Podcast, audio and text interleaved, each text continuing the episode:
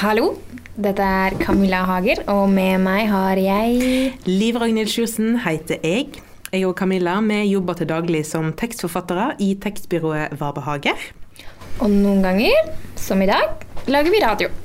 Og hva skal vi snakke om i dag, Liv Ragnhild? I dag skal vi snakke om jobbspråk, og nærmere bestemt skriftlig jobbspråk, siden vi jobber mye med tekst. Vi skal innom e-post, byråkratspråk og klarspråk, og kommer selvsagt til å gi deg masse gratis tips underveis til hvordan du kan skrive godt på jobb. Masse gratis tips. Og så har du vært på gata, har du ikke det? Jo, jeg har spurt diverse folk som jeg snubler over langs veien om brev de får fra stat, kommune og andre offentlige etater. Forstår de alltid hva som står i disse brevene? For ifølge ei undersøking som TNS Gallup har gjort, så har én av tre, og det er ganske mange, problem med å forstå språket i offentlige skjema og brev. Jeg spurte òg folk om de har noen tanker om hvorfor offentlige papirer ofte er skrevet på et sånn vanskelig språk.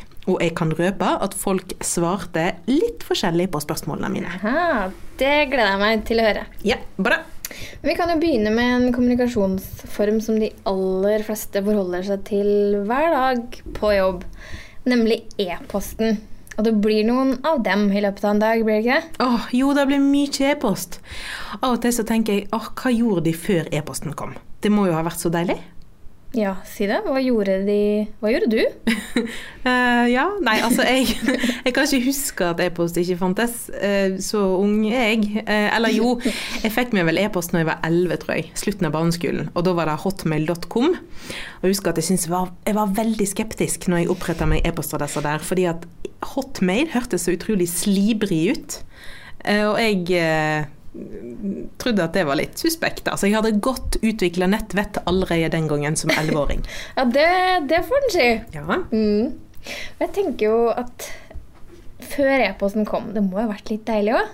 Posten kom liksom én gang om dagen, postmannen kom, og alt kom på en gang, og ikke til alle døgnets tider. og når det klistra på et frimerke, så tok det minst en uke før du hørte noe mer om den saken. ja. Det høres jo litt steinalder ut nå, men det er jo ikke så lenge siden. Du har jo noen tips til hvordan skrive formelle e-poster, har du ikke det? Jo, det har jeg absolutt. Vi refererer jo ofte til Språkrådet sine sider her i Hva sa du, sa du? Men det er en veldig god grunn til det, fordi at på deres side så finner vi som regel svar til det vi lurer på. For eksempel skikk og bruk når en skriver formelle e-poster. Vil du høre lista, Camilla? Det vil jeg. Ah, så bra! altså Språkrådets nettvett i formelle e-poster-lista. Punkt 1. Gi e-posten ei informativ og dekkende overskrift i emnefeltet. Da kan mottakeren prioritere saken rett. Mhm, Så hei eller møte eller problem er ikke så gode emnefelt, med andre ord. Nei, det sier lite om hva e-posten inneholder. Ok, Punkt to. Skriv hovedbudskapet først, og unngå å ta opp flere tema i ei melding. Mhm, Kom til saken, med andre ord. Jepp. Begynn på en ny e-post om du går fra ett tema til et annet i ei e-postutveksling. Lurt. Ja. Og så punkt fire. Skriv klart og konsist med korte avsnitt og oversiktlig oppsett. Jeg vil også slå et slag for eh, mellomtitler Ja. på de avsnittene Ja, du har i en e-post. enig. Veldig tydelig. Mm. Yes. Neste punkt. Bruk ei blank linje etter den innledende helsinga og mellom avsnittene. Før avslutningshelsinga så kan det godt være to blanke linjer. Litt luft, altså. Ja. Mhm. Og neste punkt. Unngå å bruke store bokstaver for å framheve noe. De blir oppfatta som skriking. Og så er det vanskeligere å lese, faktisk. Fordi eh, alle bokstavene er like høye. Å ja. Mm. Er det det som er med blokkbokstaver? Du, det har jeg aldri tenkt over. At det er derfor. Men det er greia. Så Yes. man gjør seg sjøl en uh, bjørnetjeneste ved å skrive store bokstaver. Fordi folk klarer ikke tydeligere å, å lese hva du skriver eller mener. Jeg skjønner. Ok. Da lærte jeg noe nytt. Mm Unngå å bruke tekstmarkering som kursiv og halvfeit. For da kan nemlig ikke leses av alle e-postprogram. Mhm, Da lærte jeg noe nytt. Ja, bra. Les alltid gjennom e-posten før du sender den. Eh, det er ofte at det dukker opp både det ene og det hitter både skrivefeil, men òg at oi, jøss, har jeg formulert det sånn? Jeg skjønner ikke helt sjøl hva jeg mener. Oppdager jeg når jeg leser gjennom e-poster. Så det kan være lurt. Og la det òg gjerne gå fram av e-posten hvem som får kopi av meldinga. Ingen på lurekopi, da, med andre ord. Nei, jeg syns det er lurt også å skrive i e-poster 'du får denne e-posten fordi'. Ja. Det gjør jeg gjerne. Mm. Mm. Um, et annet tips um, kan jo være å, altså før man begynner å skrive, å spørre seg selv hva er det man vil at mottakeren skal gjøre som et resultat av at de får den e-posten. Fordi det spørsmålet kan være med på å gjøre at du klarer å kommunisere litt tydeligere, istedenfor at du sitter og hamrer løs litt sånn ukritisk. Ja. Det som òg kan være lurt, er også at du skriver hva er veien videre fra den e-posten. Så hva skjer nå når dere nå har utveksla e-post, og hva, hva er neste steg i prosessen? Ofte er det jo et samarbeid en har som gjør at en sender e-post. Så det er mitt tips, uavhengig av Språkrådets liste. Nå har du jo delt masse gode tips, Liv Ragnhild. Eh, og her var det jo masse lurt man bør gjøre når man skriver e-post. Men jeg har noen forslag til hva man ikke bør gjøre. Oi. Vil du høre det? Ja, klart. Kjør på. Ikke svar til alle, med mindre det eh, ikke altså, angår alle. Ikke legg sjefen og samtlige på kopi bare for du vil vise fram hva du jobber med. Respekter folks tid og innboks. Å, ja, den støttes. Mm. Ikke svar med bare ett ord, som OK, ja eller nei. For det høres så kort ut. Eh, og når man ikke kan se personen, så kan det tolkes på alle mulige måter. Og kanskje ikke så positivt. Så henger man på et smiletegn, så er jo saken en annen, men det er ikke alle setninger alle jobber med, eller hvor det er greit. Så da foreslår jeg at du minste svarer med ja, det høres fint ut, eller OK, vi har en avtale. Takk for kjapt svar. Vel, jeg pleier å svare fint. Takk for Jeg tror trodde du skulle si takk for godt tips. Begge deler. Ja. Takk for godt tips, Camilla. Neste. Neste. Ikke bruk flere utropstegn. Det kan bli voldsomt. Ett holder i massevis. Og det samme gjelder for spørsmålstegn. Kan jeg komme med et lite kundeeksempel? Ja, gjør det. Ja. Ikke heng ut noen, da. Nei. eh, En anonym kunde jeg jobber med, vedkommende skrev altså i alle e-poster alltid to ropetegn eller to spørsmålstegn. Så det var aldri ett, alltid to. Og det merket var veldig forstyrrende. Mm. Mm. Han lurte vel veldig på det han lurte på, og mente det hardt, det han mente, da. Ja, Mm. gjorde vel det. Mm. Ja, og det siste det er kanskje litt utenfor det språklige, men ikke send mail når du burde ringe. Da kan du spare mye tid og misforståelse ved bare å plukke opp telefonen. Mm. Og her kan jeg med fordel ta mitt eget råd. Åh, ja, jeg òg. Mm. Absolutt. Hvis du syns det her er interessant, så anbefaler jeg at du også hører på episode seks av Hva sa du, sa du? om smileys og chattespråk. Ja, det er en artig episode. Mm. Og hvis du har tips til, eller spørsmål til oss, så send dem gjerne via Facebook-siden vår Hva behager. Ja. Men du eh, Camilla, i stad så snakket jeg litt om Fem på gata, og du sa ja, det gleder jeg meg til. Skal vi kjøre det nå? Ja, la oss gjøre det. Ja. Jeg spurte altså folk på gata om de forstår brevene de får fra det offentlige. Nei, det tar jo litt tid å lese gjennom. Jeg er alltid usikker på om jeg får penger eller må betale penger. Men eh, det tar litt tid før jeg skjønner hva det egentlig gjelder, da. Ja, jeg tror jeg bare sier nei jeg, på at jeg ikke alltid forstår det. Men hva er det som er vanskelig med sånne brev, da? Det er vel kanskje skrevet på et sånn, hva jeg skal kalle det, statlig språk, eller litt innfløkt språk, da. Du er nødt til å forstå den måten de er nesten litt sånn advokatmessig. Eh, litt tungt språk. Tenker at det burde være enklere å få formulert det de egentlig sier, da. Du, jeg lurer på, Når du får sånn eh, brev i posten eller e-poster fra stat og kommune og Nav og skatteetaten og sånne ting, forstår du språket i de brevene? For, for mesteparten, ja. Ja, du gjør det. Så bra! Så alt er helt sånn klart og forståelig for deg i disse brevene? Jeg har fått det veldig godt forklart fra mora mi som jobber i kommunen. Så, men uten det så kanskje jeg har hatt litt mer problem. Jeg tror de må gjøre det vanskelig for at det skal være tydelig for de, de som forstår seg på og sånt. Um, Hvorfor, hvorfor ikke? veldig tvetydig. Si forskjellige ting, og så skal den etterpå tolkes på en annen måte igjen. Veldig vanskelig å forstå. Det, det gjelder alle. Jeg skje. lurer på, Når du får brev fra stat og kommune, som f.eks. Nav og skatteetaten og sånne ting, forstår du alltid hva som står i de brevene? Nei, ikke alltid. Det hender seg jeg må spørre, ja. Men eh, hva, hva er det du syns er vanskelig i sånne brev? da? Nei, det er vel ordformuleringer som kan være litt vanskelig. Eh, skatteetaten? Nei, det syns jeg vel kanskje egentlig ikke. Men eh, må bruke litt god tid på å lese, kanskje. Ja. ja. Litt usikker på om man får penger eller, eller må betale penger, ja. ja. Det er jo ikke bra. Nei. Når man lurer på om det er en god nyhet eller en dårlig nyhet. Eh, kanskje det er et tegn på at mange av disse virksomhetene er litt vel formelle i måten de ordlegger seg på. Ja, det tror jeg absolutt vi kan konkludere med. Språket sier jo noe om hvor formell man er. Vi snakka i en tidligere episode om at dialekt i chat- og SMS-språk er med på å vise identitet. Eh, Men en bedrift har jo også identitet, eh, og den gjenspeiles jo i hvordan de uttrykker seg skriftlig. Hvilke ord en bedrift bruker til å beskrive seg selv og tjenestene sine, sier noe om hvor stramt eh, slipsknuta sitter. Og det, og det er ganske gøy, fordi det er veldig forskjellig fra bedrift til bedrift. Noen har ikke slips i det hele tatt. Vi har sjelden slips. I vår baker har vi sjelden slips. Ja.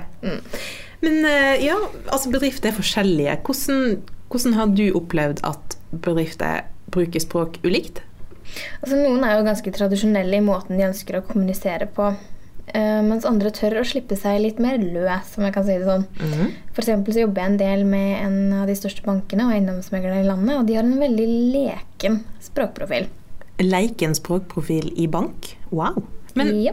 Men altså, ok, bare for å klargjøre her. Mm. Språkprofil, hva mener du med det? Det er et sett med føringer som en virksomhet har, som sier noe om hvordan de ønsker å kommunisere skriftlig. Eh, og når det sitter hundrevis av mennesker og skal kommunisere på vegne av f.eks. en bank, da, så kan det fort bli veldig mye forskjellig hvis, eh, hvis folk skriver som seg sjøl, som de sjøl foretrekker. Men hvis de har noe, et sett med regler som sier noe om hvordan eh, de skal uttrykke seg, så blir det mer likt de er litt opptatt av at bedriften skal ha én stemme. Eh, sånn at mange virksomheter har sånne språkprofiler, og vi jobber jo litt med å lage sånne for noen bedrifter også. Men akkurat den eh, virksomheten, eller altså den banken og eiendomsmegleren som jeg nevnte her, de er spesielt glad i å skrive for dem, da jeg må si det, fordi jeg syns det er utrolig artig eh, å få lov til å, å leke meg med ord og vendinger og sånn som jeg får lov til der, da. Eh, det, det, det digger jeg. Men hvordan da? Hva er det du får lov å leke med der? Nei, jeg får lov til å si ting som jeg eh, kanskje ikke ville fått lov til å skrive for en bedrift som var mer formell. Mhm. Eh, mer som altså, ord og vendinger jeg ville brukt i en samtale. Eh, mer muntlig språk. Jeg kan si sånn 'betale cash', eh, da blir det andre boller, her går du, kan du gå i surr. Ja. Sånne ting, da. Så det blir et veldig muntlig språk, og så bruker jeg en del spørsmål. Eh, for det er jo vanlig i en samtale. Eh, og, og som virksomhet så ønsker man jo gjerne en dialog, ikke bare en monolog. Så, men når du bruker spørsmål, så henvender du deg mer til leseren. Du på en måte drar og inviterer den inn i teksten ved, ved å, å stille spørsmål. Ja, det høres jo veldig koselig ut, egentlig. Veldig koselig. ja. Artig. Så vi har litt inntrykk egentlig at stadig flere heller mot en litt mer uformell tone, som vi nevnte i den episoden vi hadde om sjette språk. Som når skatteetaten bruker hjertetegn på Twitter, oh. så, så sier de jo litt da, da er det ikke så formelle der, i hvert fall. nei. Du Liv Ragnhild, du har jo litt erfaring fra en bedrift du har jobbet i som har litt uh, strammere slipsknute enn mange. Ja, jeg har jobba litt i eh, statlige etater, rett og slett. Og der er det med språkbruk nokså annerledes enn eh, det du nevner fra bank- og eiendomsmegler og private bedrifter her, da. For offentlige instanser de tilbyr som regel diverse tjenester, som f.eks. skoler og Nav. Der får du utdanning, og du får stønad på ulike måter. Eller så passer de på at lover blir følgde, som f.eks. Arbeidstilsynet og Skatteetaten. Eh, og alle, med alle i eh, Norge, vi har kontakt med sikkert ti offentlige kontor i løpet av livet. Altså Det tror jeg er et minimum. Det må være 50, minst. Aner ikke. Mange. Og mye informasjon blir utveksla mellom disse kontorene og folk flest. Du trenger informasjon fra deg, og de trenger informasjon fra deg for å kunne gi deg det du trenger, og for å sikre at lover blir følgde. For felles for alle offentlige instanser det er at alt de gjør, det blir strengt regulert av lover og regler, og de har i tillegg det store ansvaret å sørge for at våre skattepenger blir brukt rett. Mhm. Og det legger føringer for språkbruken deres. Men hvordan da, mener du? Jo, for det første så skal ikke offentlige instanser selge det noe, sånn som private bedrifter skal. Og derfor så trenger de ikke være så koselige og vennlige, som du nevnte eksempel på. Ja, det hadde vært hyggelig.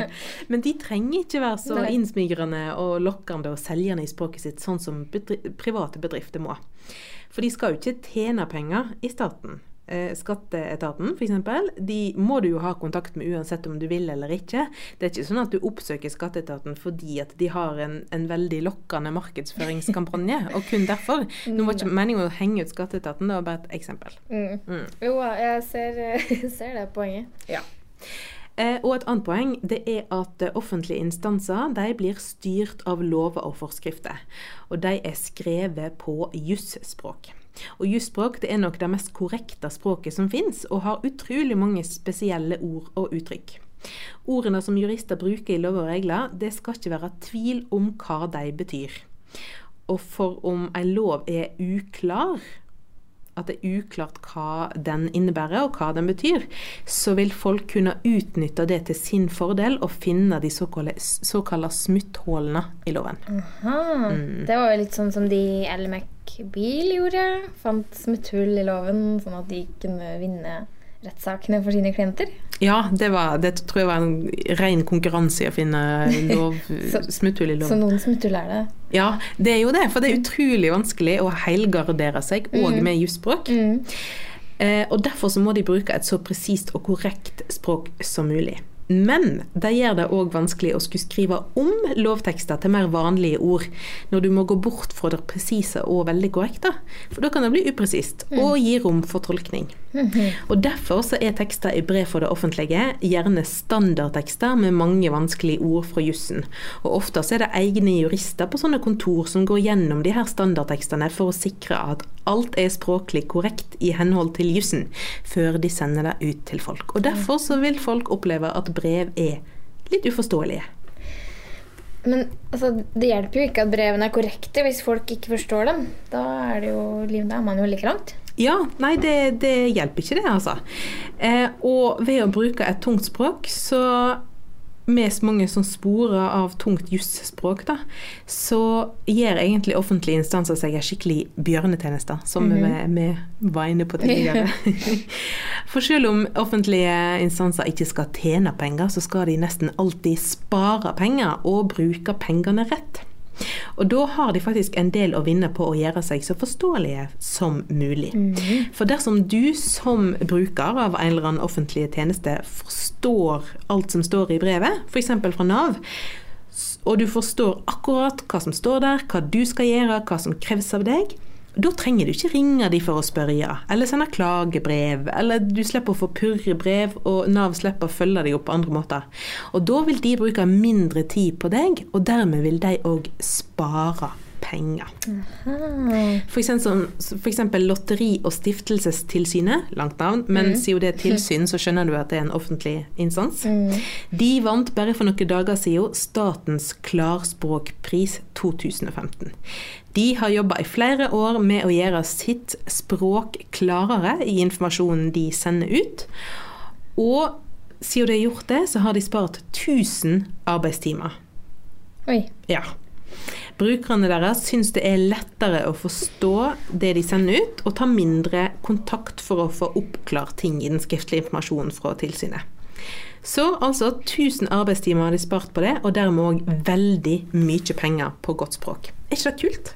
Det er det kuleste jeg har hørt på lenge. Ja. Men når du nevner statens klarspråkpris, det er vel viktig med klart språk i private bedrifter også? Jo, absolutt. Eh, akkurat som det øker effektiviteten til offentlige instanser, så øker det òg effektiviteten til bedrifter. Fordi at når det oppstår eh, færre misforståelser, eh, ut mot kunder, men òg internt ved at du bruker godt språk. Eh, folk skjønner lettere hva som skjer, og hvem som skal gjøre hva med godt språk, og dermed så sparer jo du òg tid. Der du slipper Ja. å oppklare Mhm. sånne ting. Men klart språk øker òg troverdigheten din som bedrift. Fordi om du har dårlig tekst på nettsida di, hvorfor skal jeg tro at produktet du selger og tjenestene dine er noe særlig bra? Nei, godt språk og gode tekster forteller meg at du er en bra bedrift. Jeg vil kjøpe ting hos deg. Det er et veldig godt poeng. Mm For eksempel nettsidene. Det er jo ofte det første inntrykket man har. Mhm. Den første um, muligheten man har til å kommunisere. Så hvis det feiler, så ja. Men Et lite sidespor. Ja. Eh, For et par år siden så skrev jeg og kollega Anna Lian en kronikk i Adresseavisen om når språket går på helsa løs. Eh, og det, det var en respons til en masteroppgave om pakningsvedlegg for medisiner. Uh, om at de er så vanskelig å forstå at mange lot være å ta medisinene sine eller brukte medisinene sine feil. Og da går jo språket virkelig på helsa løs. Ja, herlighet. Men selskapene som skriver det her, de skylder på EU-krav som skal sikre at alt er korrekt. Men er det egentlig en god nok unnskyldning? Nei, det syns ikke jeg. Altså, uh, du kan ikke skylde på at du må følge lov og regler, og derfor så har du et lite forståelig språk, men det er ofte en unnskyldning som blir mye brukt. Eh, en er så redd for at meninga blir feil om en ikke bruker språket som står i lover og regler, at en velger å bruke det tunge jusspråket heller enn et forståelig språk for brukerne. Ja. Det er jo litt av det som er jobben vår som tekstforfattere i Hva behager. At vi hjelper kundene med å få til mer person, nei, ikke personlige, men forståelige tekster. Enten vi skriver tekstene for dem, eller vi holder skrivekurs, sånn at de kan bli bedre til å skrive selv. Ja. Men så hender det vi opplever at kundene er litt redde for å skrive enkelt. Eh, At noen protesterer og vil holde seg til en formell eh, tone. Jeg tror jo at eh, klarhet at er noe av det viktigste når en bedrift skal kommunisere skriftlig. Mhm. Forklar hva du mener med det. Jo, jeg tror ofte at bedrifter bruker store ord for å høres viktige ut, og så blir det bare dumt. Fordi du som leser skjønner ikke hva de egentlig mener, eller hva de gjør. Som når en virksomhet slår seg på brystet og sier at de utvikler visjonære, helhetlige løsninger for å fremme bedriftens potensial. Hva, hva gjør dere da, lurer jeg på. Uh, hæ? En gang til. Utvikler visjonære, helhetlige løsninger for å fremme bedriftens potensial. Wow. Ja, nei, det skjønte jeg ikke. Nei. Sorry. Ikke heller. Jeg, jeg fant den på, da. Oh, ja, Så, så det gir kanskje ikke um, så mening, men, men eh, den høres ut som mye av det du kan lese rundt omkring. Og det er litt Ja. poenget at du klarer ikke helt å skille om det faktisk gir mening eller ikke. Og du bruker uansett litt tid på å prosessere for å ta det til deg. Eh, og da er jeg mye mer for det å bare si ting i klartekst og si det som det er. Så klarspråk er noe både for statlige bedrifter og private bedrifter. Ja. Jeg holder jo en del skrivekurs bl.a. for eiendomsmeglere. Eh, og da er jeg veldig tydelig på det. Vi snakka jo her om, om det med klarspråk. At hvorfor skal man skrive noe helt annet enn det man ville ha sagt? Eh, når man skriver til f.eks. for eiendomsmeglere som skriver prospekter til folk som skal eller eh, vil komme ha vært på visning. Og så skriver de sånne ting som at en eh, leilighet har beliggenhet i fjerde etasje. Men hvis de hadde møtt den personen, så ville de jo sagt at leiligheten ligger i fjerde etasje. For det er jo et mye mer muntlig språk. Men så legger de til seg sånn mer kompliserte vendinger. Og bruker voksne ord, da, som jeg liker å kalle det. Mm. på en måte for å imponere, jeg vet ikke. Men, men det, det virker jo mot sin he- hensikt, fordi du risikerer å miste leseren. At de ikke skjønner helt. Voksenord. Voksenord, ja. Eh, det, det tenker jeg de ordene som du i en samtale eh, ikke velger å bruke, men av en eller annen grunn henter fram når du sitter der eh, og skal skrive. Mm. Eh, som om det er en veldig stor forskjell på skriftlig og muntlig språk. Men eiendomsmeglere, jeg har jo lest en del boligannonser, og jeg ser for meg at ja, der er det mye rart. Ja, Ja. det er det. Og det, det er jo et kapittel for seg selv. Kanskje en episode for seg selv også. Uh, Vi får se. ja, kult. Men du, Camilla, vi har fått inn et spørsmål. Vi har jo prøvd å ha en fast spalte her som heter Ukens spørsmål. Mm. Og denne gangen så har vi fått inn et spørsmål fra noen som lurer på hva betyr ugler i mosen? Vet du det, Camilla? Selvfølgelig vet jeg det. Ja. Det er et uttrykk som brukes når noe ikke stemmer helt, eller det er fare på fare, eller noe er litt muffens. At noe er litt muffens, må jeg forresten finne ut av. Det er et annet uttrykk jeg lurer på. Kan man si at noe er litt cupcakes? Du kan si det, men det er ingen som skjønner hva du mener. Syns kanskje du er litt rar. Men altså, fordi altså, ugle i mosen Ugler eh, De få gangene jeg har observert ugle, det har jeg jo aldri, men når vi ser på sånn Ut i naturen på NRK og sånn, så sitter jo uglene i tre. Ja. Eh, så Derfor du skal ane litt at det er noe fare på ferde hvis den ja! sitter i mosen. Ja! Å nei, stakkar. Litt sånn syk ugle som sitter på en mosedott og sier uhu. Ja. ja. Men uttrykket, da, det Mm. kommer fra dansk. Dansk? Nei, ah, altså det forklarer saken. Ja. Og dansk er jo som kjent tilnærma helt umulig å forstå for utrente ører. Så det hele er egentlig en stor misforståelse. Selvfølgelig. Mm. Det opprinnelige uttrykket er 'ulver i myren'. Ulver i myren? Mm, uttales 'ulver i måsen' Ja. på dansk. Men, Er du sikker på det? Ja, noe sånt. Noe sånt. ok. Men i norske ører så blir det til 'ugler i mosen'. Time out. Ulver i myren? Mm. Det er vel kanskje like uforståelig det som ugler i mosen? Hva gjør ulva i myren, liksom? Du Ja, ja. Må, da, da vet du at det er fare på ferde. Ok, greit. Note to self. Ja, så langt har jeg ikke gjort, gjort researchen, da. Nei. ja. Men eh, du, så, så da vet du det. ja, takk. Hyggelig. Ja. Og du som er så god på etterlignende dialekter. Ja. Er du god på dansk også, Sjursen? Ja, ja, ja. Hold nå kjeft, mann! Åh. Eller min favoritt. Dronning Margrethe. Skjønte du det? Dronning med grøt. En gang til. Dronning med grøt. Dronning Margrethe. Dronning Margrethe.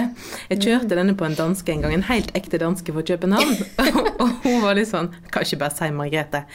Fordi når hun sa det, og det kan, klarer jeg jo ikke å gjengjel- eh, gjenta, men hun, når hun sa det, så hørtes det veldig ut som Margrethe. Men Mm. jeg, jeg ser for meg at jeg etterligner en kanskje litt sånn litt rar dansk dialekt når Ja. jeg sier Dronning Margrethe. Ja. Jeg har for meg at det er sånn de snakker. Mm. Jeg tror det får være siste ord fra meg og danskene her. Har du noen spørsmål til oss eller forslag til tematikk, så send oss det på Facebook på Hva behager-siden. Ha det! Ha det, ja. Hva sa du, sa du?